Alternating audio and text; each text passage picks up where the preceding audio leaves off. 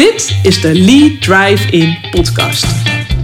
Waarin ik je meeneem in de wereld van online lead generatie, marketing en ondernemen. Vol wake-up calls, behind-the-scenes stories en inspirerende interviews met ondernemers die hun geheime prijs geven over hoe zij nieuwe leads en klanten aantrekken. Ik wil je inspireren om je online marketing te verbeteren, zodat jij meer en betere leads en klanten aantrekt. Waarmee jij zowel je business als je leven naar een hogere standaard brengt.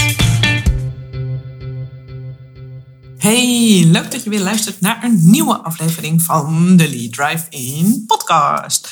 En deze keer ga ik het met je hebben over Facebook adverteren. En ik ga met je delen wat je moet weten voor betere Facebook advertentieresultaten.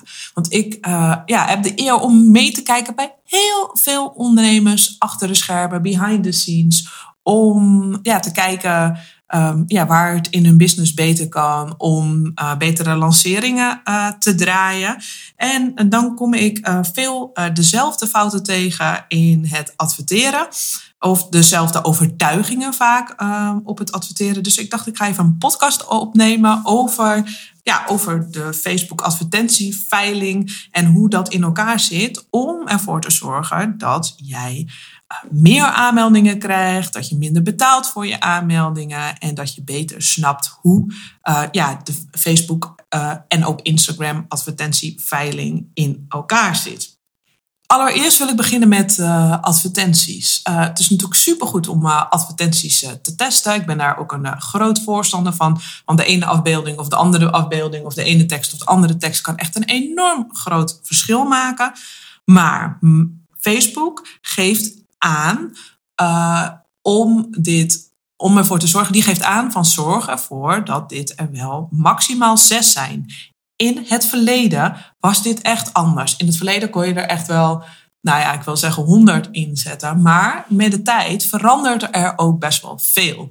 De afgelopen jaren is er veel veranderd. En op dit moment is het zo dat Facebook er maximaal zes advertenties in één advertentieset, zeg maar, aanraadt. Maar ik heb hier wel een grote maar bij. Ik vind dat best wel veel, want dit is vooral zinvol als je wat grotere advertentiebudgetten hebt. Bij uh, de meeste zelfstandig ondernemers raad ik aan, uh, ja, wat ik zelf doe, is om daar ongeveer ja, twee, drie uh, achter een advertentieset te plakken. Waarom? Omdat je wat minder budget hebt en er dus minder verkeer doorheen kan. En Facebook dus ook minder goed voor je kan optimaliseren. Want zoals je misschien wel eens gezien hebt, ook, um, heeft Facebook ook een leerfase. En die leerfase, dat betekent dat Facebook nog aan het leren is om te kijken welk publiek slaat aan, slaat goed aan bij jouw advertentie. Eh, uiteindelijk wil je dat je advertentie uit die leerfase komt. Maar gaat er te weinig data doorheen, doordat je wat minder budget hebt, dan kan Facebook dat niet optimaliseren. En kan een advertentie die mogelijk wel heel goed kan werken, komt dan nooit uit die leerfase. En dat is natuurlijk zonde. Dus ik raad je aan om met maximaal twee, drie advertenties te testen in één advertentieset. Als een advertentie bijvoorbeeld niet werkt, dan zet je hem uit. Vroeger zou je die aan laten staan, maar dat is inmiddels veranderd. Nu kun je hem dan beter uitzetten. Nou, dan heb je nog uh, de advertentieset. Hè, dus de advertentieset, daar stel je de doelgroepen in. Nou, hier zie ik veel dat er heel veel doelgroepen worden gekozen. Dus dat er heel veel advertentiesets neer worden gezet. En soms zie ik accounts dat er wel ja, tien advertentiesets bijvoorbeeld in staan. En uh, dan is er een budget bijvoorbeeld van 300 of 500 euro per maand. Dit heeft niet zoveel zin, want ook hier geldt weer dat er een leerfase is. Dus dat uh, Facebook zegt, ja, Facebook die moet ontdekken die moet zelf eerst, hè, de eerste uh, weergave, dan moet Facebook ook ontdekken en leren, de leerfase, uh, welk publiek goed aanslaat bij jouw advertentie hè, binnen de gekozen doelgroep. Daar heeft Facebook genoeg gegevens voor nodig. Dus je doelgroep moet groot genoeg zijn. En Facebook heeft daar eventjes de tijd voor nodig.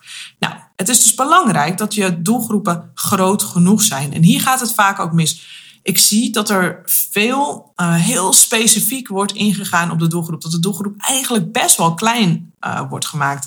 Maar met de jaren is het, uh, ja, hoe noem je dat? De automatische intelligentie, zeg maar, van Facebook is echt ja, het systeem van Facebook is enorm intelligent geworden. En weet ontzettend veel uh, van mensen.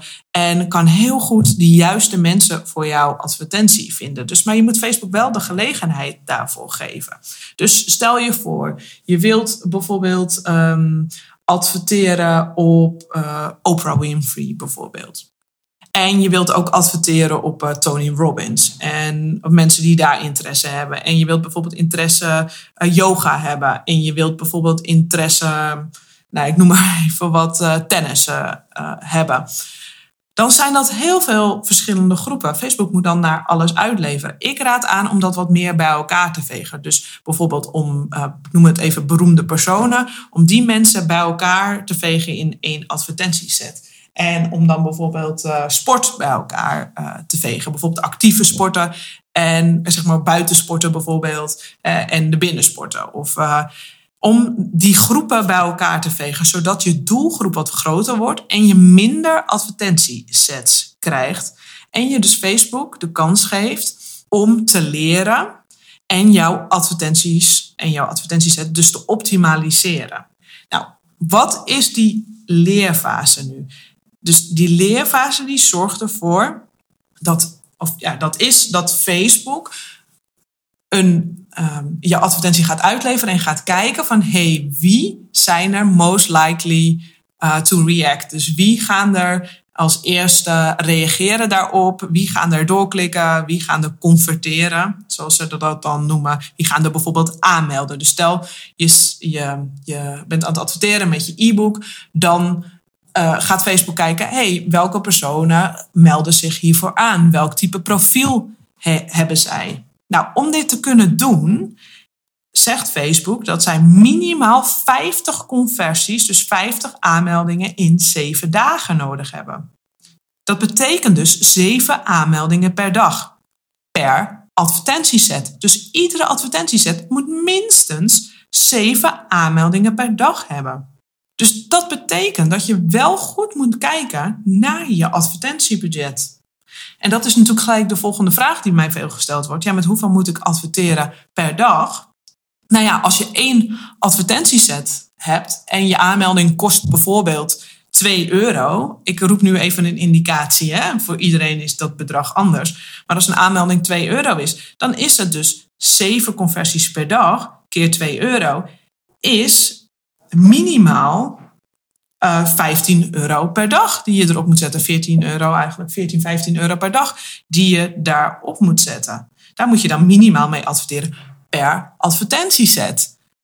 Maar ja, als jij meerdere doelgroepen wilt, moet dat budget dus omhoog. Want je moet wel die 50 conversies per week kunnen aantikken. Want dan krijg je dus Facebook uit die leerfase en gaat het algoritme echt voor jou werken. En kun je ook zelfs een langere tijd succesvol adverteren.